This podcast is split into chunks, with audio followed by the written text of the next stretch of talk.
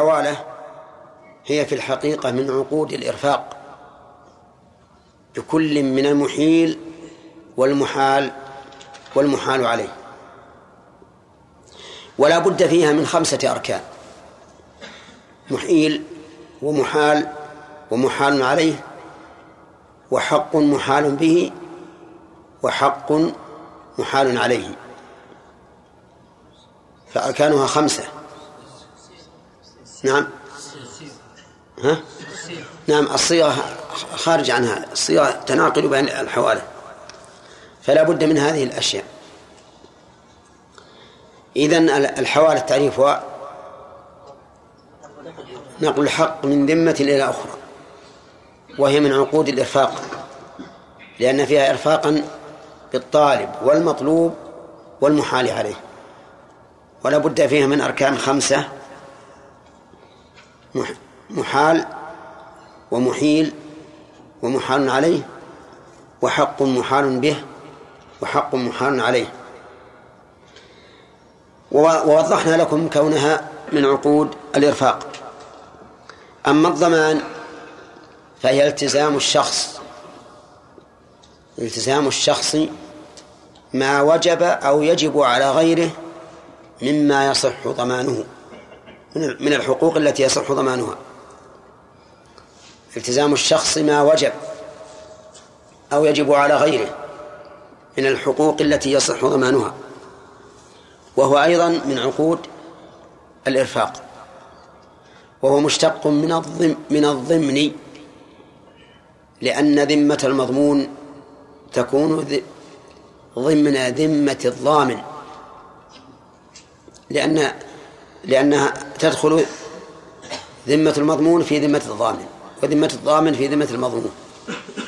وهي من عقود الإرفاق أيضا لما فيها من التيسير على كل من الطالب والمطلوب. فإذا الضمان تعريفه التزام إيش؟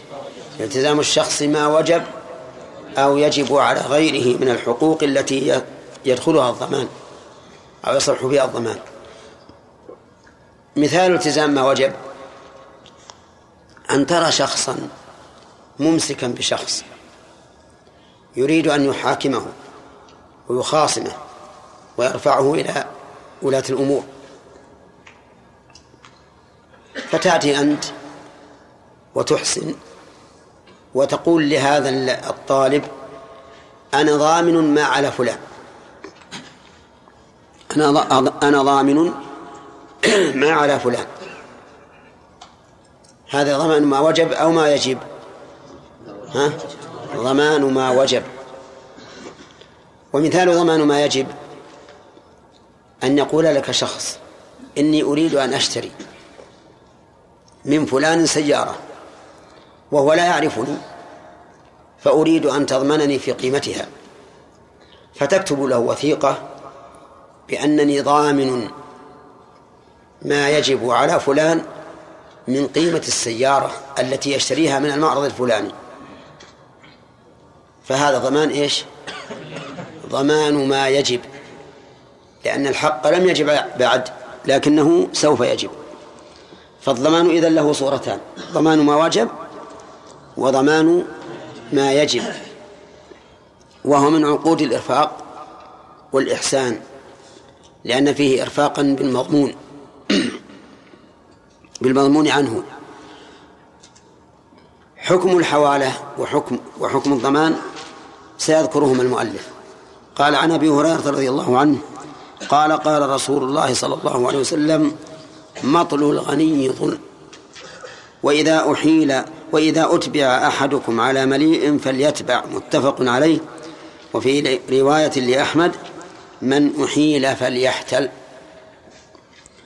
قوله مطل الغني ظلم المطل هو المنع يعني منع ما يجب على الإنسان دفعه من دين يسمى مطلا.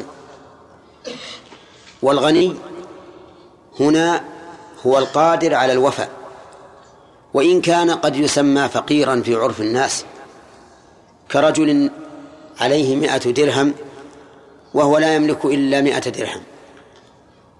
فهذا في عرف الناس في وقتنا الحاضر فقير لكنه باعتبار قدرته على الوفاء غني. فمطل هذا ظلم يعني منعه من من من, من وفاء الحق الذي عليه ظلم. والظلم في الأصل في اللغة العربية بمعنى النقص ومنه قوله تعالى كلتا الجنتين آتت أكلها ولم تظلم منه شيء شيئا أي لم تنقص منه شيئا. وقال تعالى وما ظلمناهم ولكن كانوا هم الظالمين. أي ما نقصناهم مما يجب لهم أو مما هو من حقوقهم. ولكن كانوا هم الظالمين. ثم إن الظلم وإن كان بمعنى النقص إن كان في ترك ما يجب فهو ظلم في واجب وإن كان في فعل محرم فهو ظلم في محرم. ظلم في واجب لأنك نقصته إذا تركت الواجب. ظلم في محرم لأنك إذا فعلته فقد نقصت الالتزام الذي يجب عليك لله عز وجل. إذا ظلم نقص. النقص هنا نقص واجب ولا نقص ولا, ولا فعل محرم؟ مطل الغني ظلم. نقص واجب. لأن الواجب على الغني أن يبادر بالوفاء. فإن لم يفعل فقد نقص ما يجب عليه فكان ظالما. صورة المسألة رجل مدين لشخص بألف درهم وهذا الشخص يطلبه أعطني حقي والآخر يماطله يقول غدا بعد غد بعد غد. نقول هذا الرجل المطلوب يعتبر ظالما لأنه مطل الحق الذي عليه أي منعه مع قدرته على القيام به. قال وإذا أتبع أحدكم على مليء فليتبع. أتبع فسرته رواية الإمام أحمد رحمه الله. وهي قوله من أحيل. ومعنى أتبع أي طلب منه أن يتبع غيره. طلب منه أن يتبع غيره. أي أحيل. يقول عليه الصلاة والسلام من أحيل على مليء. على مليء. المليء مأخوذ من الملاءة أي على قادر على الوفاء قادر على الوفاء بماله وبدنه وحاله. يعني معناه أن نقدر على الاستفاء منه بماله وبدنه وحاله. أما المال فهو أن يكون واجدا للمال الذي أحيل به عليه. فإن كان فقيرا معدما ليس عنده مال فليس بمالي قادرا ببدنه أي يمكن أن يحضر لمجلس الحكم عند المحاكمة فيما لو امتنع. من الوفاء. فإن لم يمكن إحضاره لسلطته أو قرابته فإنه لا يلزم. فليس بملي. ليس بملي لأنه لا يمكن استيفاء الحق منه. الثالث بحاله. بحاله يعني أن لا يكون مماطلا. فإن كان غنيا يمكن إحضاره. لمجلس الحكم لكنه مماطل لا يوفي فإنه ليس بمليء. إذن فالمليء من؟ المليء هو المستطيع. من يمكن استيفاء الحق منه؟ المال بماله إيش؟ بدنه نعم. والثالث؟ حاله. طيب. بماله أن يكون عنده ما يوفي به. بدنه أن يمكن إحضاره إليش؟ لمجلس الحكم عند المحاكمة. الثالث حاله ألا يكون مماطلا. فإن كان فقيرا فإنه لا يجب التحول عليه. مثل أن يحيلك شخص على آخر. بدراهم تطلبه إياها لكن هذا المحال عليه فقير ما عنده مال. فإنه لازمك أن تتحول. لأن في ذلك إضرارا عليك. طيب. ببدنه يعني يمكن إحضاره لمجلس الحكم فلو أحالك على أبيك. قال أنا أن تطلبني مائة ريال وأنا أطلب أباك مائة ريال فأنا حولتك على أبيك. فإنه لازمك أن تتحول لماذا؟ ها؟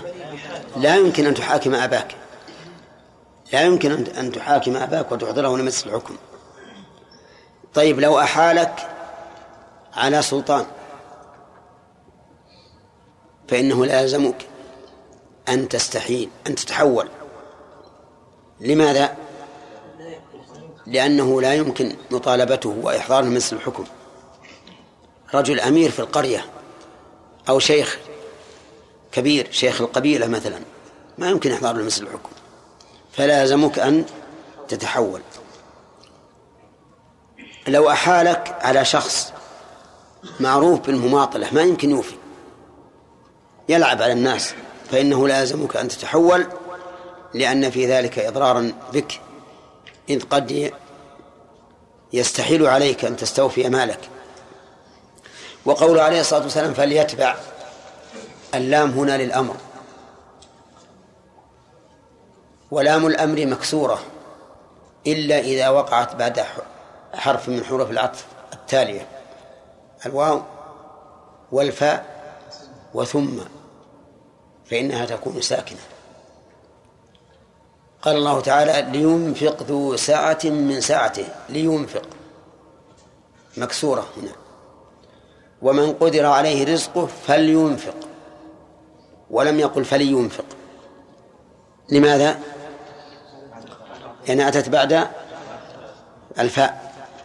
فلينفق ما آتاه الله.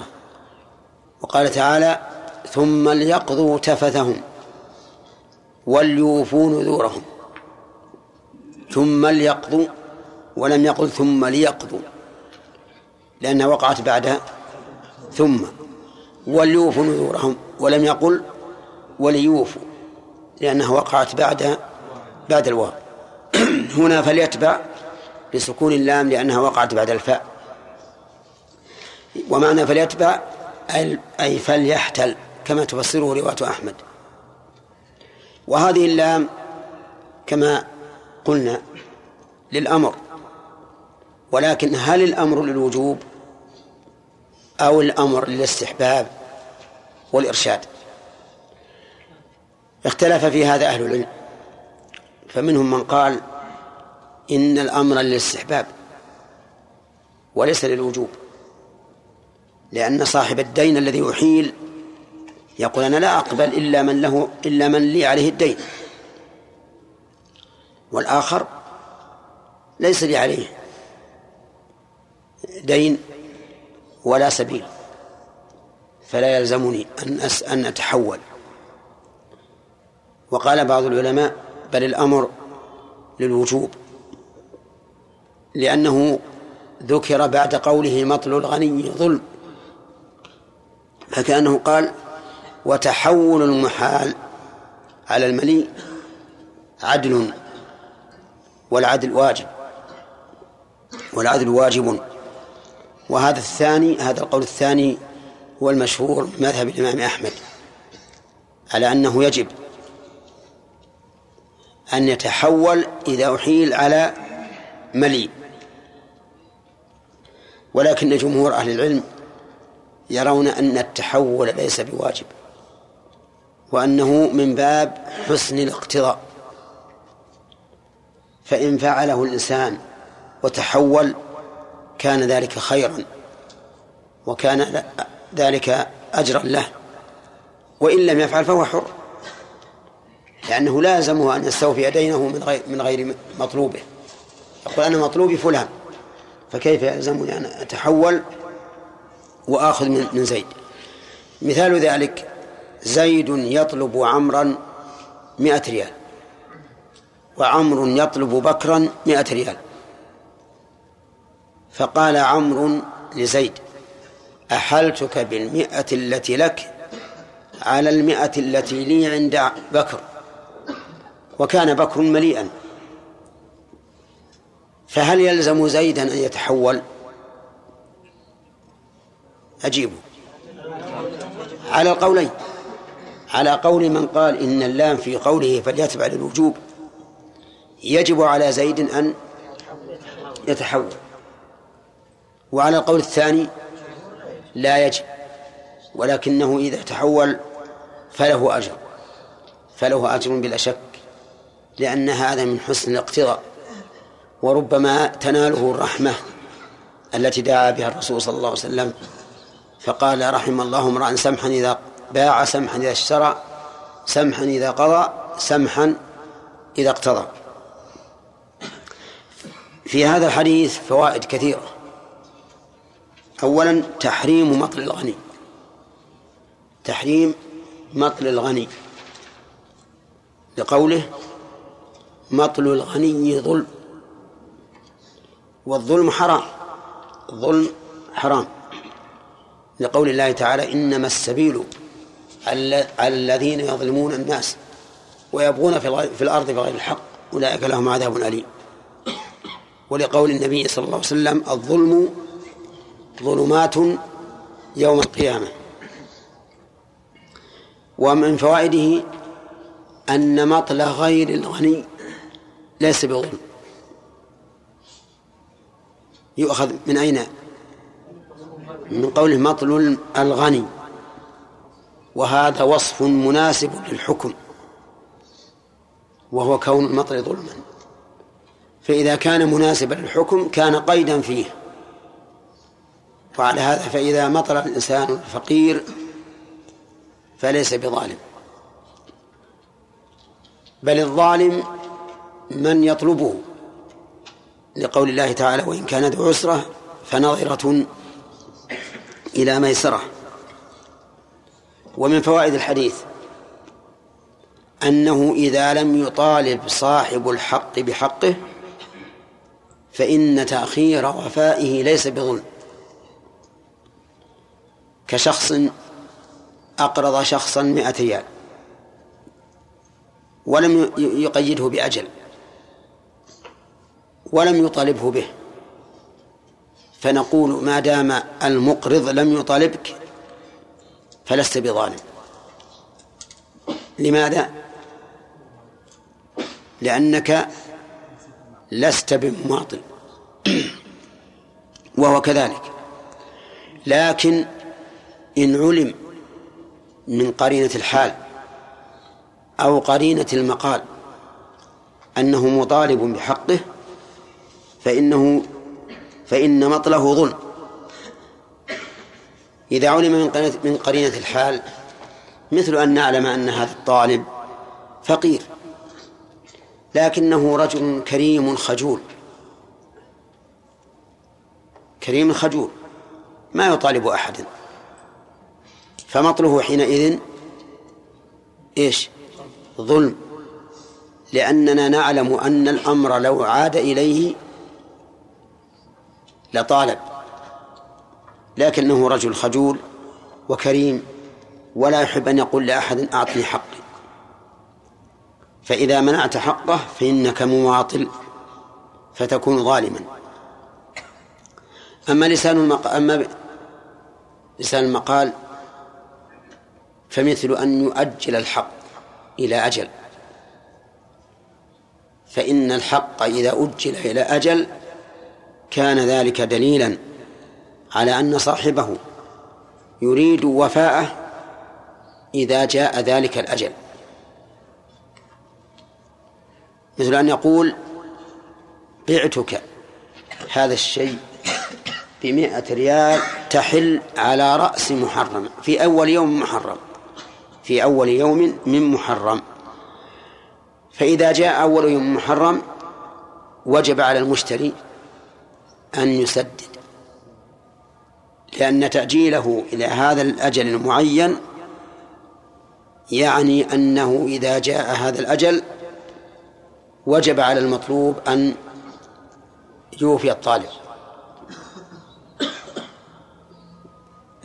طيب. ومن فوائد هذا الحديث إثبات القصاص بين الناس لأن الظلم لا بد أن يقتص منه صاحبه أي المظلوم. كما جاء في الحديث الصحيح أن الرسول صلى الله عليه وسلم قال من تعدون المفلس فيكم؟ قالوا من لا درهم عنده ولا دينار أو قال ولا متاع. فقال المفلس من يأتي بحسنات أمثال الجبال أمثال الجبال فيأتي وقد ضرب هذا وشتم هذا وأخذ مال هذا فيأخذ هذا من حسناته وهذا من حسناته فإن بقي من حسناته شيء وإلا أخذ من سيئاتهم فطرح عليه ثم طرح في النار. الحق للمحقوق إذا كان مليا. ووجه الدلالة من الحديث أنه جعل مطل مطل الغني ظلم. فإذا كان ظلما كان لصاحب الحق أن يطالب. لأنه صاحب حق. وعلى هذا فلا يجوز أن نلوم صاحب الحق إذا طالب بحقه من له مطالبته. وما يجري على بعض الناس على بعض على ألسنة بعض الناس من كونهم إذا رأوا الشخص يطالب غيره بحقه لاموه وقالوا عنده حلال كثير يكسر الخشب كما يقولون. ليش يطالبه؟ فنقول ما دام الحق له فهو غير ملوم. ولهذا جعل الله تعالى من استعمل حقه غير ملوم فقال إلا على أزواجهم أو ما ملكت أيمانهم فإنهم غير ملومين. فلا يجوز أن يلام شخص يطلب بحقه. ومن فوائد الحديث جواز الدعاء على على المماطل الغني وأن دعوة من مطله حرية بالإجابة. لأنه إذا ثبت أن مطل الغني ظلم كان الثاني الممطول مظلوما. وقد قال النبي صلى الله عليه وسلم لمعاذ بن جبل اتق دعوة المظلوم فإنه ليس بينها وبين الله حجاب. ومن فوائد الحديث في قوله وإذا أتبع أحدكم على ملئ فليتبع جواز الحوالة وأنها ليست من الربا لأنها عقد إرفاق فهي كالقرض. ولو كانت عقد معاوضة لم تصح لأنها بيع دين على بدين ولأنها ربا. إذا كانت في أموال ربوية. لكن لما كان المقصود بها الإرفاق صارت جائزة. تفهمين الكلام هذا ولا لا؟ الكلام هذا مفهوم؟ طيب. أنا أطلب شخصا مئة ريال. وآخر يطلبني مئة ريال. فإذا أحلت الطالب لي على الذي أنا أطلب جاز ولا لا؟ جاز. مع أنني لو بعت عليه ما في ذمة المطلوب لي كان البيع حراما وفاسدا. لأنني بعت دين دينا بدين. وبيع الدين على غير من هو له على غير من هو عليه حرام كما مر علينا. ولأني بعت دراهم ها؟ بدراهم بدون قبض. فلا يجوز. لكن الحوالة تجوز مع أن حقيقتها أنني بعت علي أنني بادلت بالدين الذي علي لي على بالدين الذي علي. بادلتك بالدين الذي لي بالدين الذي علي. وهذا هو البيع لكن لما كان المقصود بها الإرفاق صارت جائزة. كالقرض. أرأيت لو أعطيتك قرضا مئة ريال ثم أوفيتني بعد شهر. أليس هذا جائزا؟ طيب. ولو بعت ولو اشتريت منك مئة درهم مئة ريال بمئة ريال إلى أجل لكان هذا حراما. والفرق بينهما ظاهر لأنني في الأول قصدت الإرفاق وفي الثاني قصدت المعاوضة والاكتساب الحوالة نفس الشيء. لما كان المقصود بها الإرفاق صارت جائزة. فإذا ولو كان المقصود بها المعاوضة صارت حراما. ولهذا لو أحلتك بفضة على دنانير بفضة على ذهب لو أحلتك بفضة على ذهب كان ذلك حراما. كان ذلك حراما. لأن هذه معاوضة. اختلف الجنس. ولو أحلتك ببر على شعير. نعم. كان ذلك أيضا حراما. لأنه معاوضة. بيع. طيب. ولو أحلتك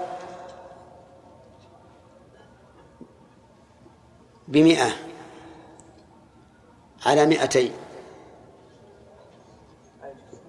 كان ذلك حراما لأنه صار معاوضة مثال أنت تطلب مئة وأنا أطلب شخصا مئتين. فقلت أحلتك بالمئة التي تطلبني على المئتين التي أطلب هذا الشخص. كان ذلك حراما. لماذا؟ من أجل الزيادة صار معاوضة الآن. تحولت من إرفاق إلى اكتساب. طيب والعكس. لو أحلتك بمئة على ثمانين. الصحيح جوازه لأن هذا إرفاق وزيادة. هذا في الحقيقة إرفاق وزيادة.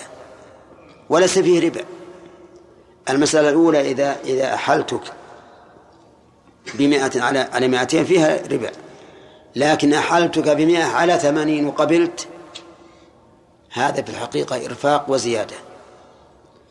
إرفاق لأنك لأنك قبلت التحول حقك من ذمتي إلى ذمة فلان.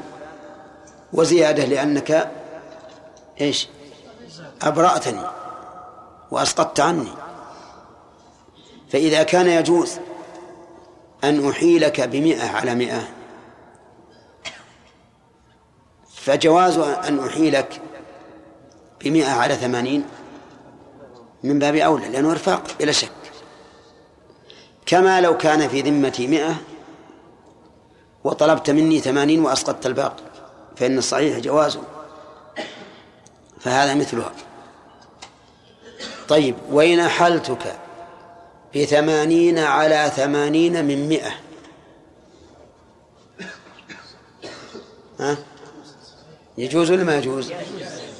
أحلتك بثمانين. على ثمانين من مئة. جائز. طيب أنتم فاهمين الصورة قبل أن تحكم. الصورة أنا أطلب زيد شخصا ثمانين. وأنت تطلبني ثمانين. فأحلتك بثمانين على ثمانين من المئة التي أطلب زيد. من المئة التي أطلب هذا الشخص. هذا يجوز قولا واحدا. هذه جائزة قولا واحدا.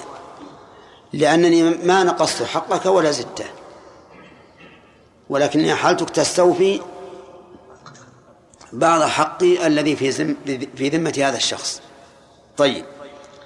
إذن الحوالة لا بد فيها من اتفاق الدينين. جنسا. من أين نأخذها؟ من أن جوازها. إنما هو للإرف للإرفاق. فإذا اختلف الجنس صارت أجيبوا يا جماعة صارت معاوضة. صارت معاوضة فصارت ربا ليست إرفاقا. طيب. ويجوز. ولو أحلتك. بمئة على مئة وعشرين. من جنسها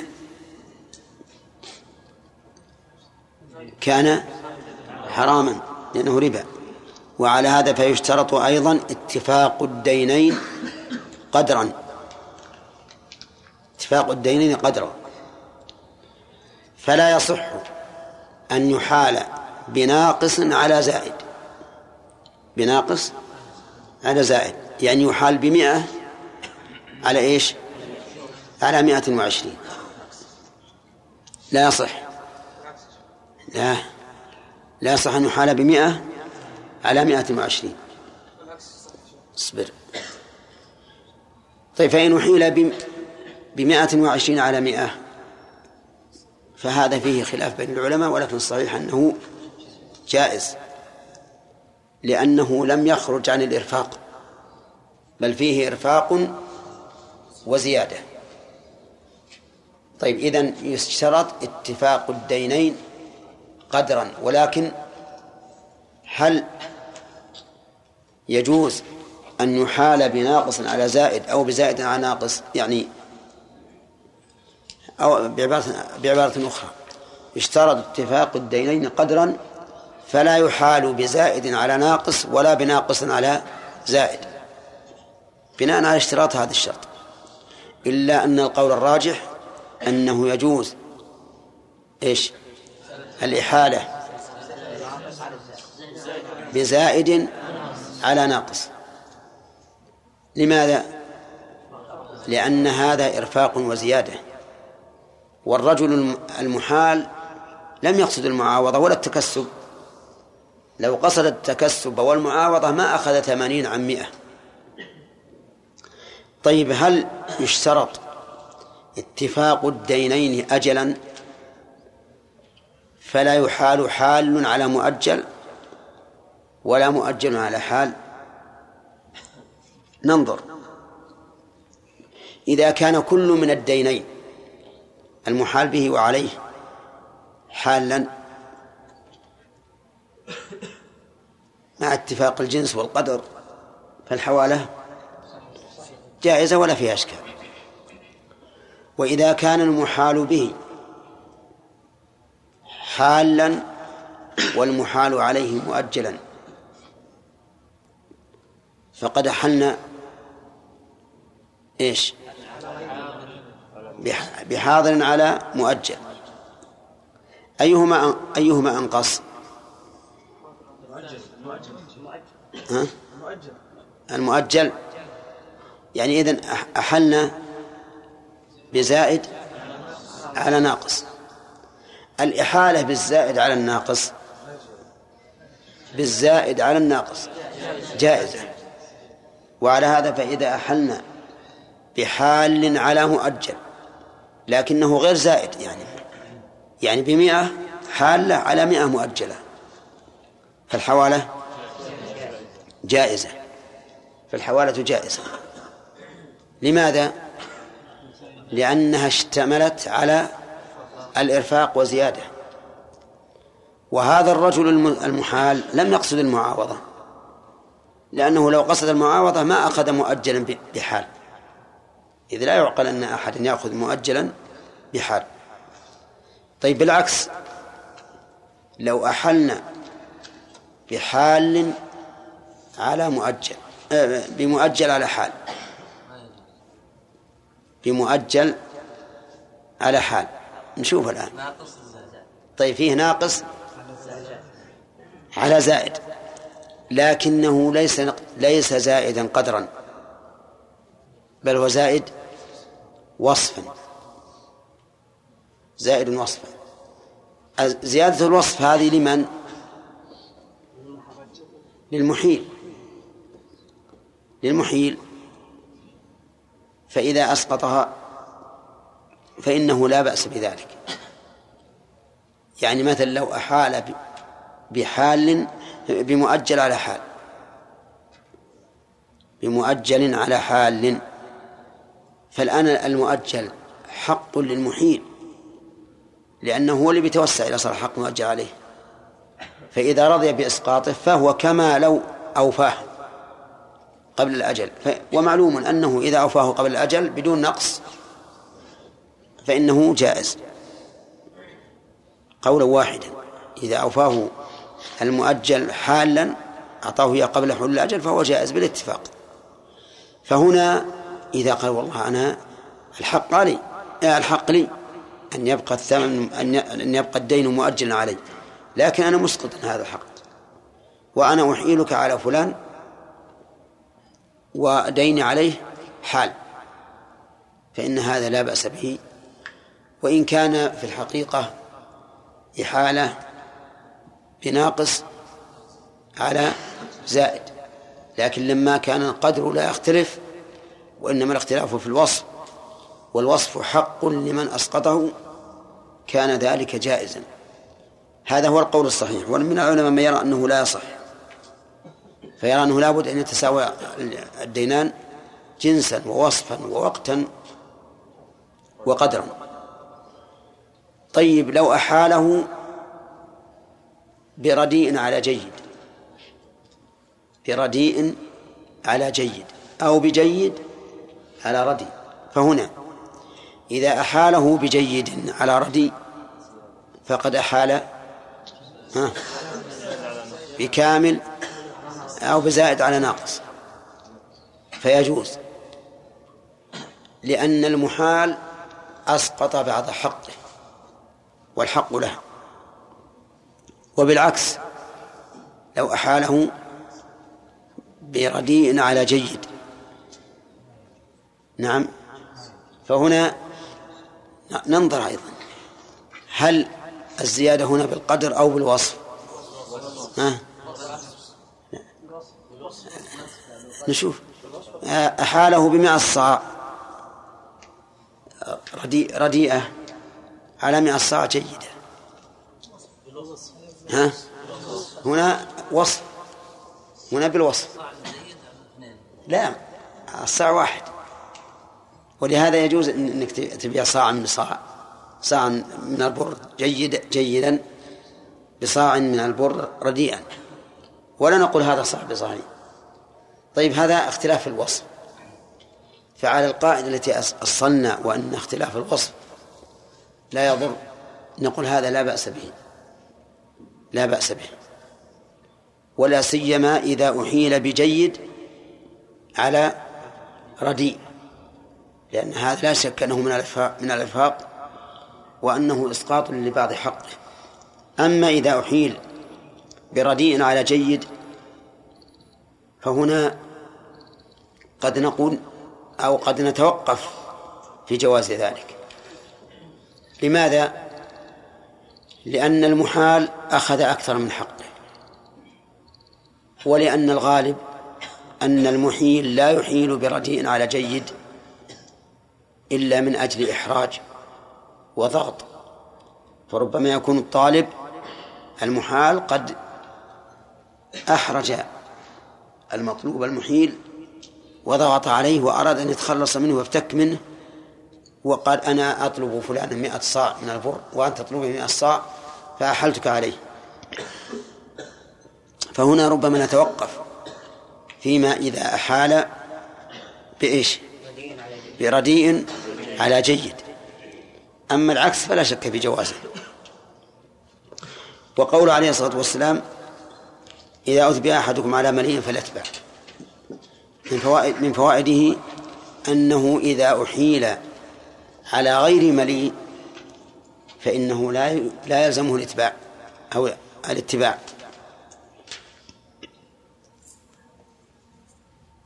لماذا؟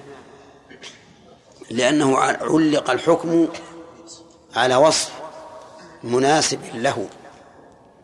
فإذا انتفى هذا الوصف الذي علق عليه الحكم وهو مناسب له انتفى. إيش؟ انتفى الحكم. ضرورة أن المعلول يتبع العلة. فالحكم تابع للعلة وجودا وعدما. فإذا أحيل على غير مليء فهو بالخيار. إن شاء قبل وإن شاء لم يقبل لأن الحق له. طيب. من فوائد الحديث أنه لو كان المحال متصرفا لغيره فهل يجوز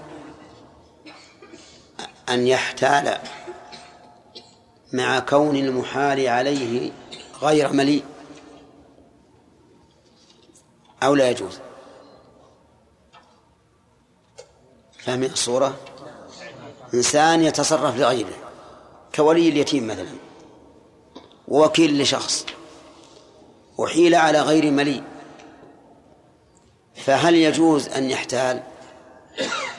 أو لا؟ ها؟ لا يجوز. وذلك لأن المتصرف لغيره لا يجوز أن يتصرف إلا بالتي هي أحسن. لقول الله تعالى ولا تقربوا مال اليتيم إلا بالتي هي أحسن. ومن المعلوم أنه إذا أحاله الغني على شخص غير مليء فليس هذا إيش؟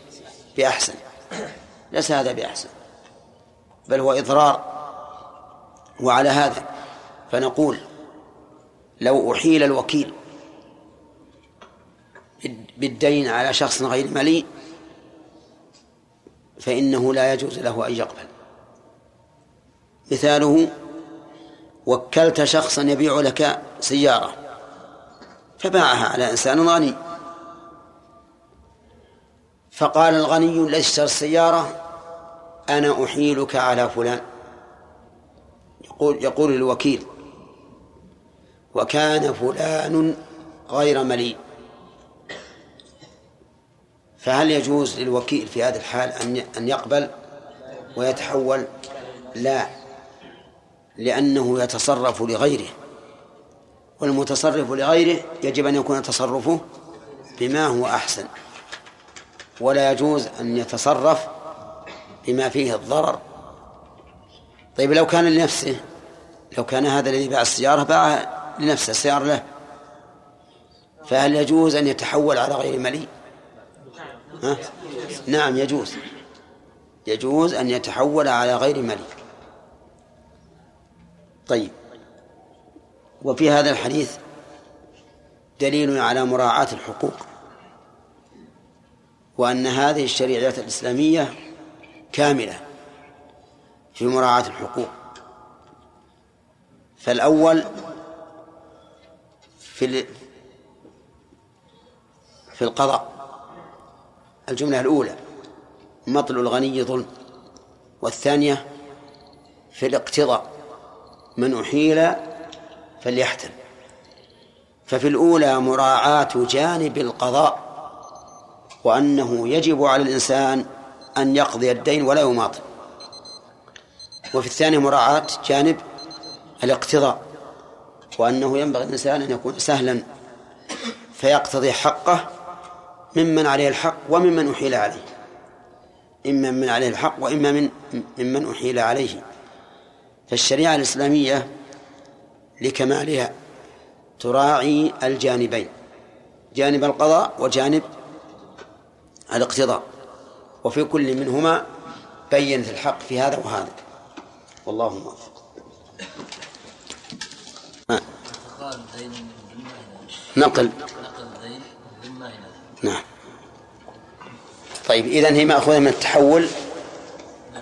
طيب. الضمان. هداية الله.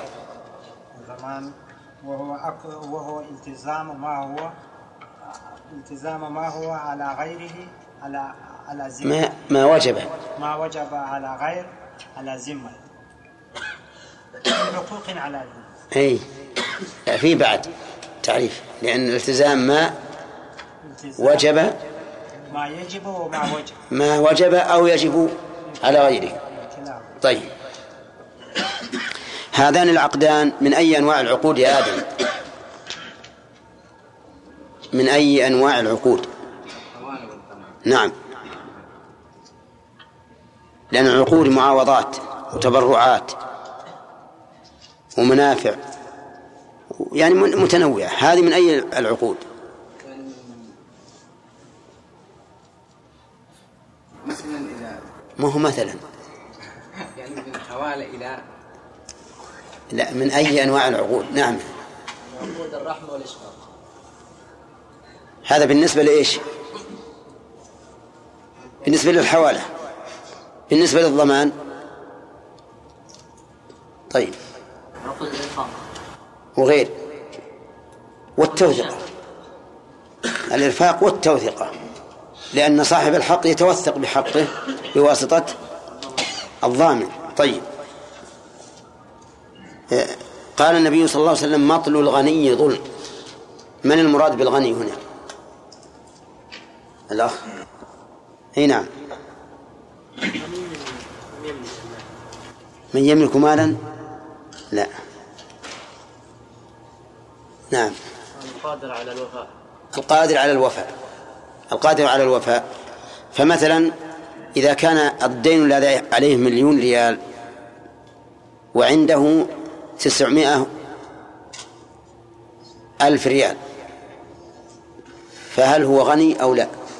الأخ الذي أجاب. ليس غني. ليش؟ لأنه ليس قادرا على على- لأنه ليس قادر على الدين. ليس قادرا. لكنه غني بالنسبة للتسمئة وبالنسبة لل- للمليون غير غني. متى يتحقق المطل يا خالد؟ حقق المطل؟ نعم. إذا كان الماطل غنيا لا المطل حتى من الفقير. أي نعم إذا طالب لكن متى يتحقق المطل إذا طالب صاحب الحق بحقه. هذا واحد. وإذا أجل إلى أجل وحان هذا الأجل. نعم. وإذا كان مؤجلا وحل الأجل. ولم يوفي فقد تحققت المماطلة. طيب يلا بندر. مع السكوت. يعني إذا سكت صاحب الدين عن المدين هل نقول إن المدين مماطل؟ نعم ليس موافق ليس مماطلا نعم لأنه مستعد للوفاء. فإذا ليس بظالم. إذا ليس بظالم. لكن لا شك أنه من الأفضل أن يبادر بقضاء الدين.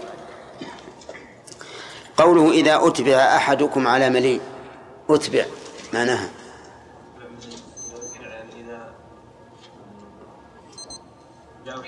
إذا أحيل. ما ما الذي يدل على أن معنى يتبع أحيل؟ رواية الإمام أحمد. من أحيل فليحتم طيب.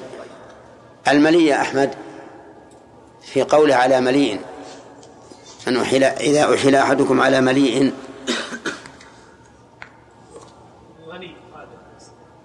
بإيش؟ بماله. بعد. أو ما حضرت؟ إيه. طيب. فهد؟ نعم. وش بعد؟ بماله وحاله. وبدنه. زين. صح. فإن أحيل على فقير. الأخ.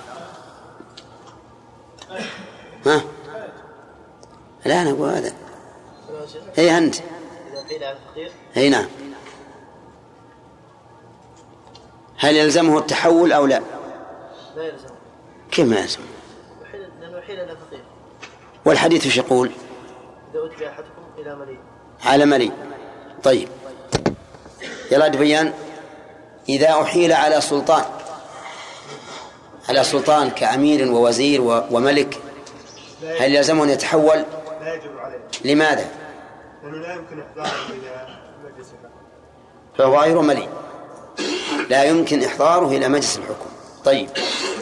إذا أحيل على أبيه حجاج. لا يتبع إيش؟ لا يتبع لا يتبع لا يلزمه. لا يلزمه. التحول لماذا؟ لأنه لا يعني لا يمكن أن أن يحضر أباه إلى إلى مجلس. إلى مجلس الحكم. صح. طيب. إذا أحيل على مماطل الأخ. لا يلزمه الاحتيال. ليش؟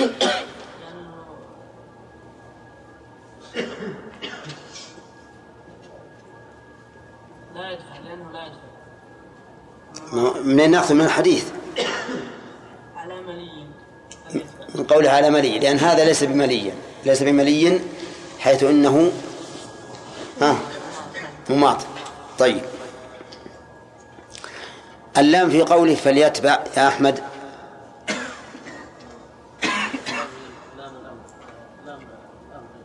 لام الأمر. طيب الأمر هنا للوجوب ولا للاستحباب؟ للوجوب. طيب ما الدليل؟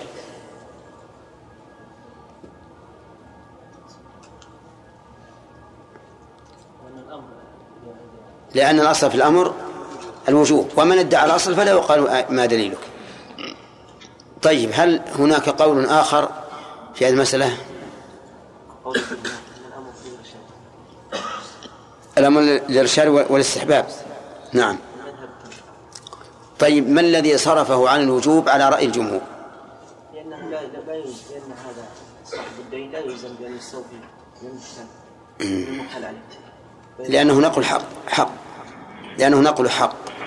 نعم من ذمة إلى أخرى فلا يلزم صاحب الحق بن- بنقل الحق الذي له من ذمة إلى ذمة أخرى. لكن يؤمر به استحبابا. طيب.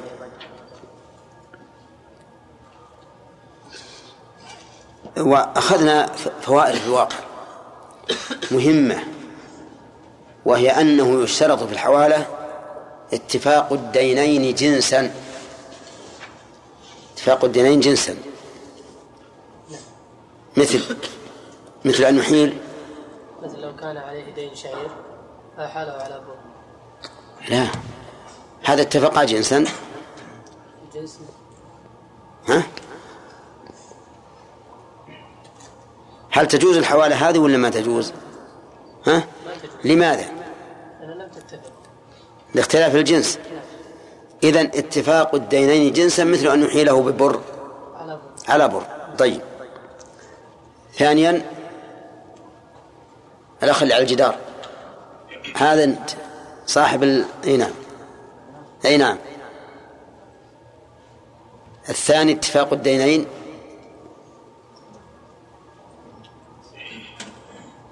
ها. ما حضرت؟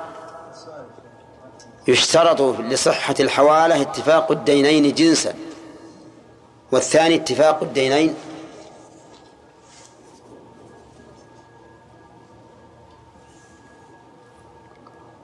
يلا ما حضرت؟ طيب يا أخي طالب العلم إذا حضر لازم يلاحظ وش, وش اللي حصل. نعم. انتهى. قدرا. طيب. مثاله؟ رجل عليه 100 إلى 100% مثلا إنسان عليه مائة ريال أو درهم أحال بها على شخص آخر يطلبه مائة درهم. طيب. إن اختلف قدرا. زهير. إن اختلف قدرا هناك تفصيل. هناك تفصيل. ما هو؟ إن كان القدر المحال عليه أقل من من القدر المحيل يعني إن أحال بزائد على ناقص. فهذا جائز. فهذا جائز؟ ها؟ جائز. إن حال بزائد على ناقص فهذا جائز. بزائد على ناقص فهذا جائز. مثل؟ مثل عليه 100 ريال نعم. ويسأل أو شخصا آخر 80 يطلب شخص آخر ثمانين. فأحال هذه أحال صاحب المئة على على صاحب الثمانين. طيب كيف جاز مع اختلاف القدر؟ لأن هنا ليس على سبيل المعاوضة وإنما على سبيل الإرفاق. الإرفاق والتنزيل من الحق. طيب. طيب. الناقص على الزائد الأخ. أي نعم. ما حضرت. طيب. رشاد. ما حضرت. الأخ. ناقص على الزائد. أي نعم. ما حضرت ها. إيه. ناقص على الزائد مثل. مثل مئة لزيد على البكر مئة. والبكر على خالد مئتين. ويحول زيد إلى خالد بمئتين. لا. أحسنت. هذا لا يجوز لأنه ربا. تمام. بارك الله فيك. بغير شرط. وصفا. وصفا. الشرط الثالث اتفاقهما وصفا. نعم. أي نعم. وصفا. مثل جيد رديء. طيب والعكس؟ بالعكس لا يؤثر. ان قدر زاد ولا نقص ب- برديء على جيد. ها؟ يكون باب زيادة يعني. كيف من باب زيادة؟ هل يجوز أو لا يجوز؟ يجوز. يجوز. لأنه ها؟ طيب. نحن ذكرنا أن هذا محل توقف لأنه من جهة القدر لم يزد لكن من جهة الوصف زاد. ولكننا قلنا وإن إن قلنا بالجواز فوجهه. أن هذا المطلوب تنازل عن زيادة الصفة وإن قلنا بالمنع قلنا أن هذا يشبه الربا. وتوقفنا في هذا. طيب. آه، نكمل بقية الكلام عن الحديث. ها؟ ها؟ طيب. اتفاقهما في الأجل. وأن يكون الأجل واحدا. ولكنه يصح في حال على مؤجل. طيب هو بالمؤجل على الحال؟ نعم. إذا في إسقاط. آه، نكمل بقية كلام عن الحديث. هذا الحديث من فوائده أنه لا بد من رضا المحيل من رضا المحيل. المحيل المطلوب. فلا يجبر على الإحالة. يؤخذ من قوله وإذا أتبع. إذا أتبع. وهذا يدل على أن الأمر موكول إلى المتبع وهو المحيل. وهل يشترط رضا المحال عليه؟ الجواب لا. لا يشترط رضا المحال عليه. فلو أحال زيد عمرا على بكر وقال بكر لزيد أنا لا أقبل حوالة عمرو لأن عمرا رجل صعب لا يمهل ولا يهمل وأريد أن يكون صاحبي أنت. يقوله من؟ المحال عليه يقول للمحيل. فهل يلزم المحيل قبول ذلك؟ أو نقول لا يلزم؟ نقول لا يلزم. فرضا المحال عليه ليس بشرط. ووجهه أن لصاحب الحق أن يستوفي الحق بنفسه وبمن يقوم مقامه. والمحال قائم مقام من؟ المحيل. فالمحيل يقول المحال عليه إيش عليك؟ أنت أدي حقي وأنا لي أن أستوفي حقي بنفسي أو بمن يقوم مقامي. طيب رضا المحتال. الآن فهمنا يا جماعة رضا المحيل لا بد منه. رضا المحال عليه إيش؟ ليس بالشرط بقينا برضا المحتال. إن كان المحال عليه معسرا يعني غير ملي اشترط رضاه. إن كان المحال عليه غير ملي يعني فقي يعني فقيرا أو لا يمكن إحضار مثل الحكم أو مواطن. فإنه يشترط رضا المحتال. وإن كان مليئا فإن قلنا إن لام الأمر في قوله فليحتل للوجوب فإنه لا يشترط رضاه. وإن قلنا للاستحباب فإنه إيش؟ يشترط. حطوا بالكم يا جماعة. فصار رضا المحيل. أي نعم. شرط ولا غير شرط؟ نعم. شرط. بكل حال. ها؟ إجزم. بكل حال. طيب رضا المحتال عليه. آدم. ها. شرط ولا غير شرط؟ ما هو بشرط. بكل حال. طيب. اللي جنبك. رضا المحتال. ها؟ شرط ولا غير شرط؟ مطلقا. خطأ. فهد؟ إن كان على غير ملك. ها. نعم. اشترط رضاه وإن كان على ملي. إن كان الأمر في قوله عليها وف- فلا يشترط رضاه وإن قلنا إنه للاستحباب اشترط رضاه واضح يا جماعة؟ طيب. ثم قال المؤلف رحمه الله فيما نقله عن جابر قال توفي رجل منا يعني من الأنصار فغسلناه وحنطناه وكفناه. غسلناه يعني تغسيل الميت وصفته أنه يغسل الفرج فرج الميت ثم يغسل رأسه. بروة السدر. السدر هذا الورق المعروف.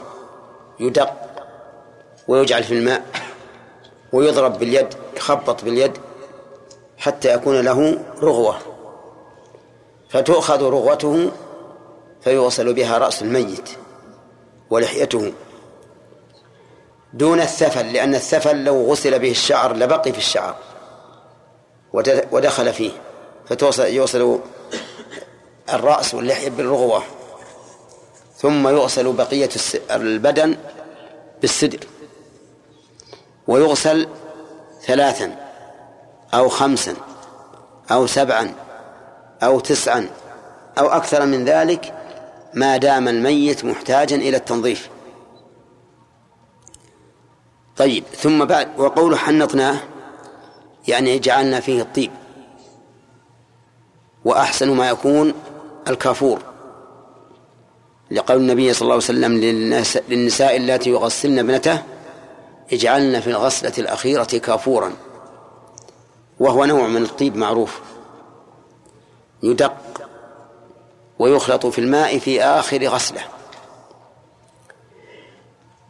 وله ثلاث فوائد.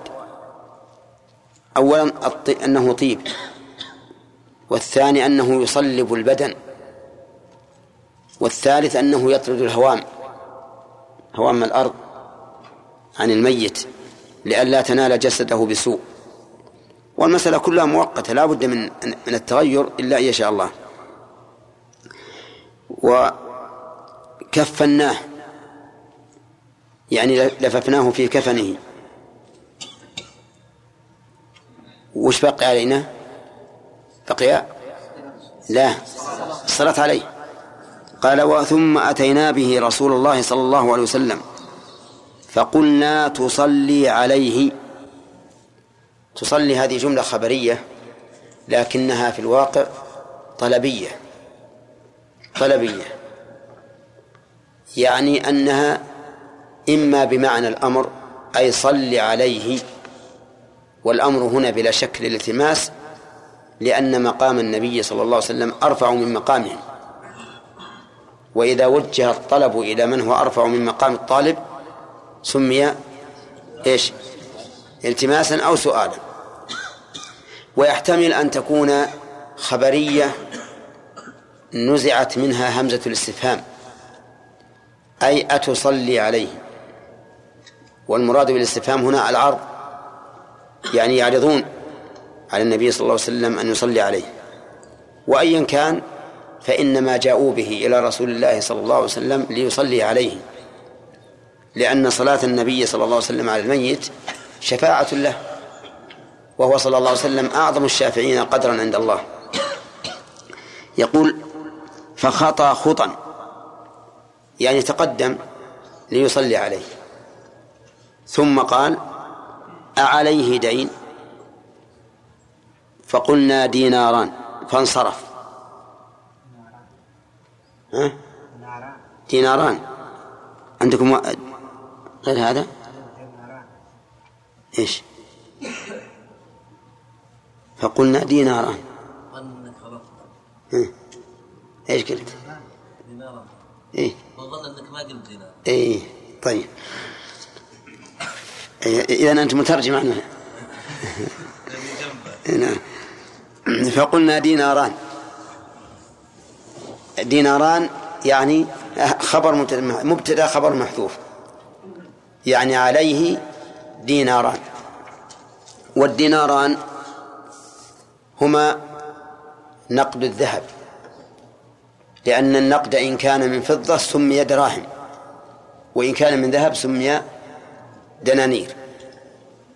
فانصرف. لم يصلي عليه. وكان صلى الله عليه وسلم في أول الأمر إذا قدم إليه ميت للصلاة عليه وعليه دين لم يصلي عليه لأن صلاته على الميت شفاعة ومن عليه دين لا تنفع فيه الشفاعة لأن حق الآدمي لا بد من وفائه ولهذا كانت كانت الشهادة تكفر كل شيء إلا الدين.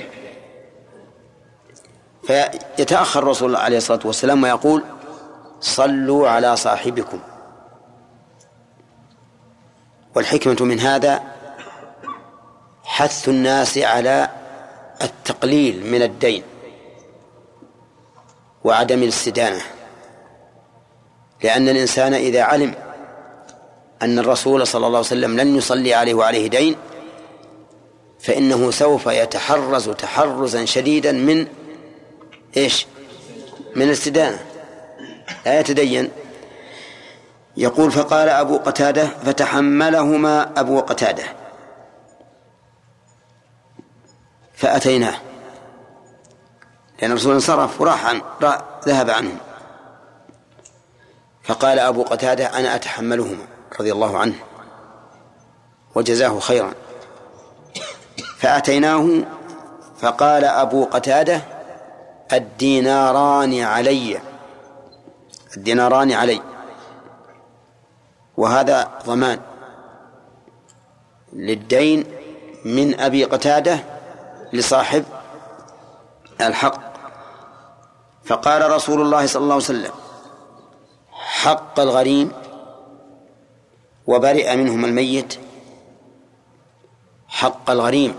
هذا مصدر مؤكد لمضمون الجملة الخبرية وهي قوله الديناران علي. كأنه قال تلتزمهما التزام حق. ثابت لا يتغير. فقال النبي صلى الله عليه وسلم فقال أبو قتادة نعم. فتضمن قوله رضي الله عنه تضمن التزاما وإبراء. التزاما على من؟ على نفسه. وإبراء للميت. ولهذا قال النبي عليه الصلاة والسلام وبرئ منهم الميت. قال نعم. فصلى عليه.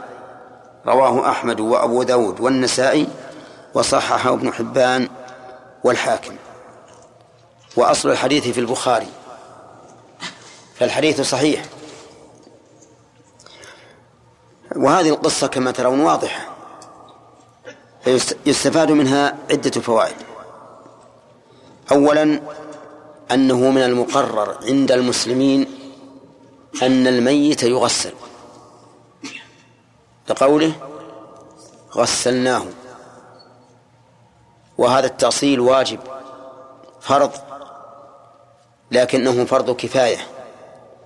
إذا قام به من يكفي سقط عن البقي والدليل على فرضيته قول النبي صلى الله عليه وسلم في الذي وقصته ناقته في عرفة قال اغسلوه بماء وسدر. وقوله صلى الله عليه وسلم للنساء اللاتي يغسلن ابنته يغسلنها ثلاثا أو خمسا أو أكثر من ذلك. والأصل في الأمر الوجوب.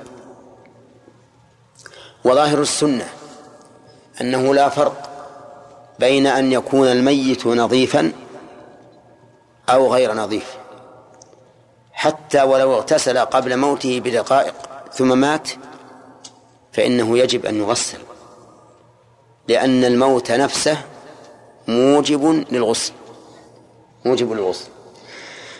ومن فوائد الحديث أيضا أنه قد تقرر عند الصحابة رضي الله عنهم مشروعية التحنيط لقوله وحنطناه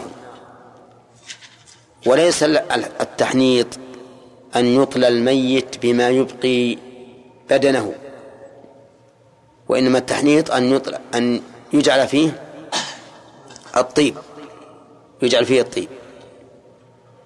ويدل على أن هذا أمر معتاد مشروع. أن النبي صلى الله عليه وسلم قال للذين خاطبهم في تأصيل الميت الذي مات في عرفة قال لا تحنطوه لا تحنطوه.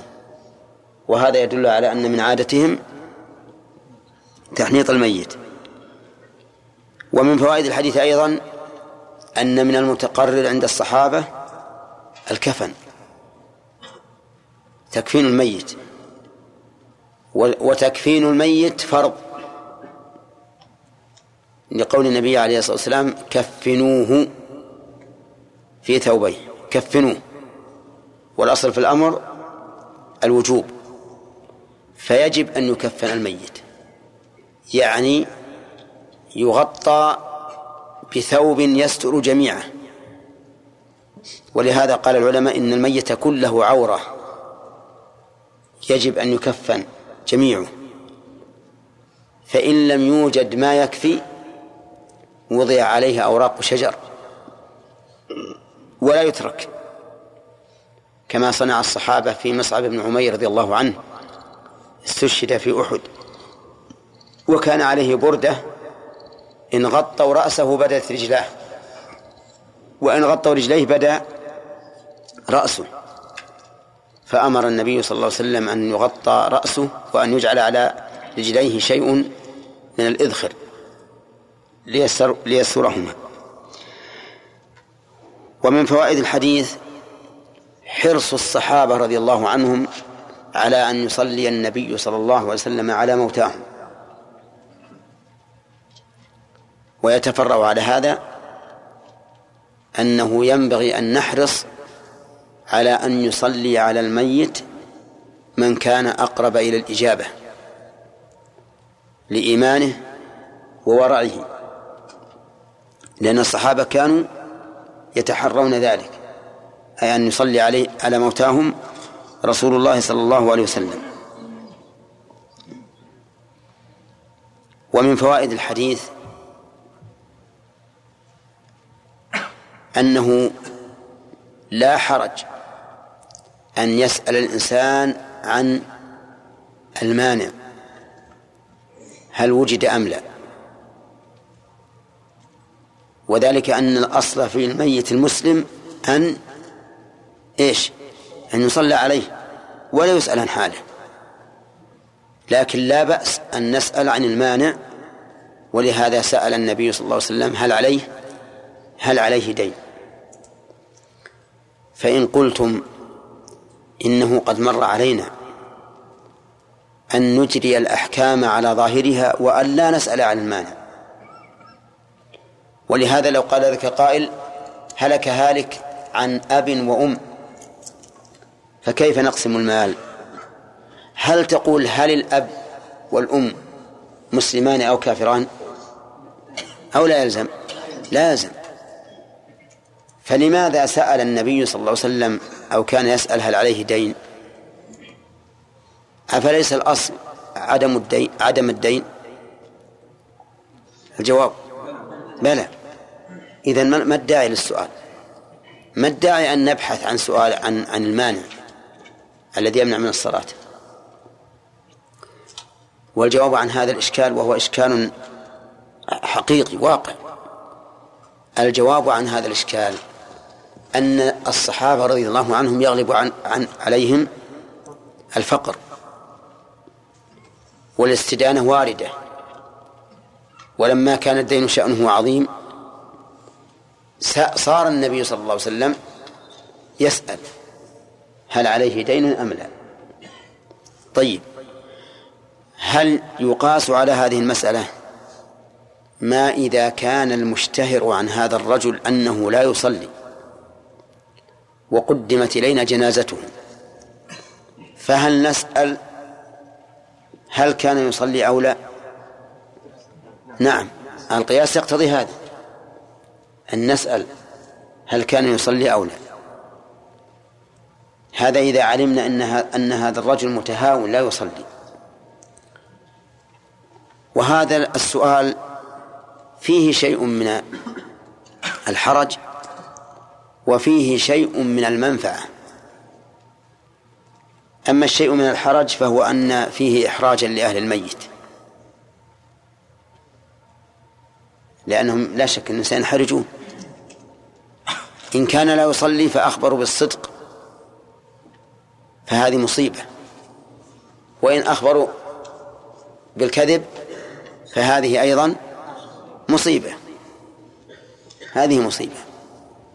فنقول نعم هذا لا شك أنه حرج وإحراج لكن يترتب عليه مصالح عظيمة.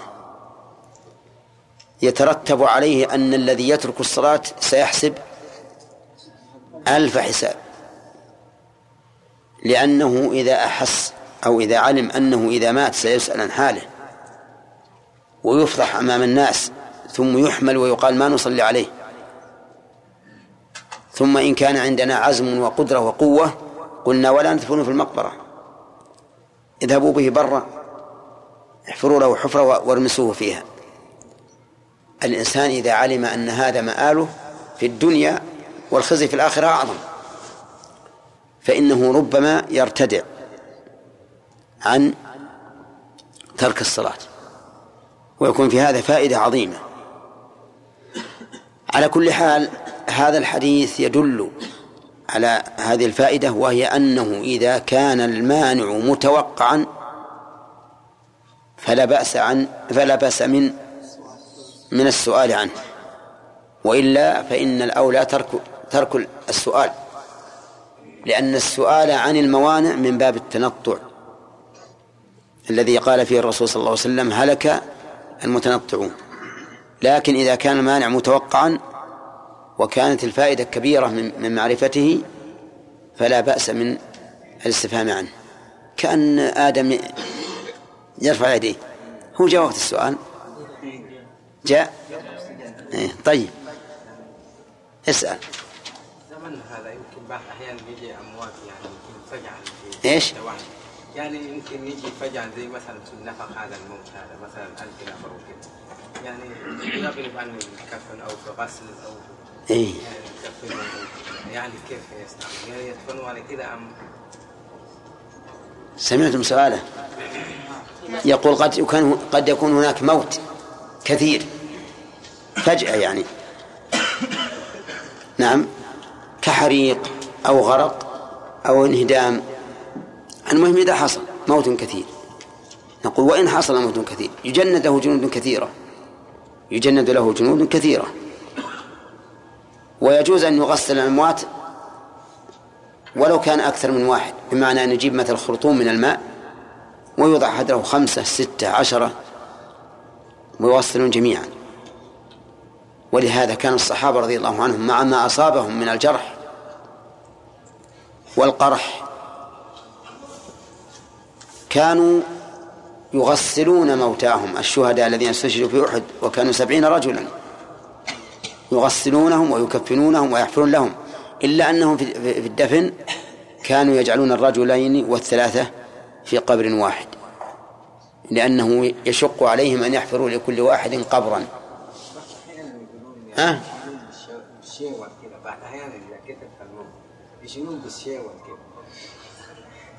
لا لا هذا الظاهر شيء يقال. مو مو مو صحيح. نعم؟ ها؟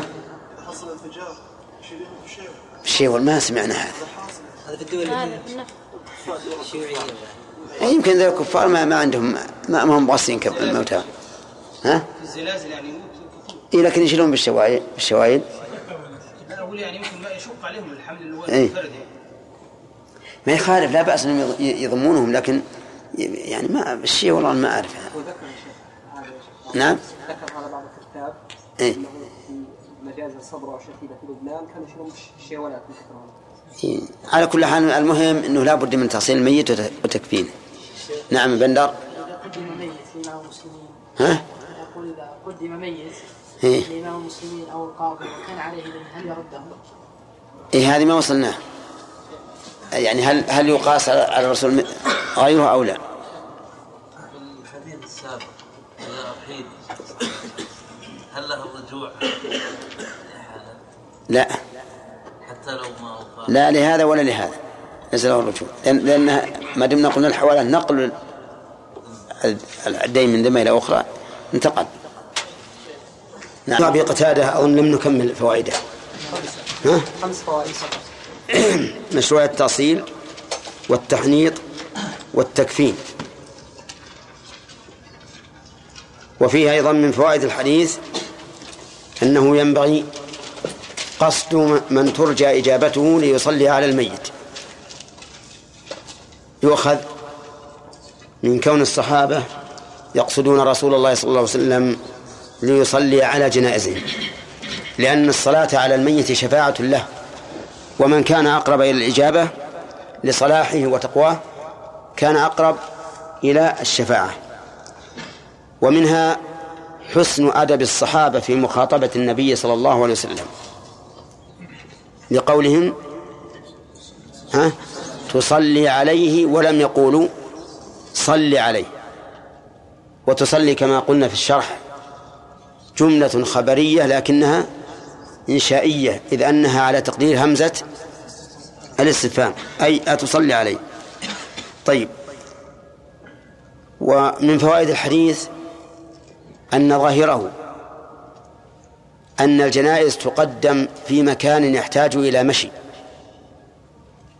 لقوله فخطأ خطوات. وكان الغالب في الجنائز في عهد الرسول صلى الله عليه وسلم أنهم. أن أنها يصلى عليها في مكان غير المسجد. يسمى مصلى الجنائز خاص بالصلاة على الجنائز. ويصلي أحيانا على الأموات في المسجد. عكس ما كان عليه الناس اليوم.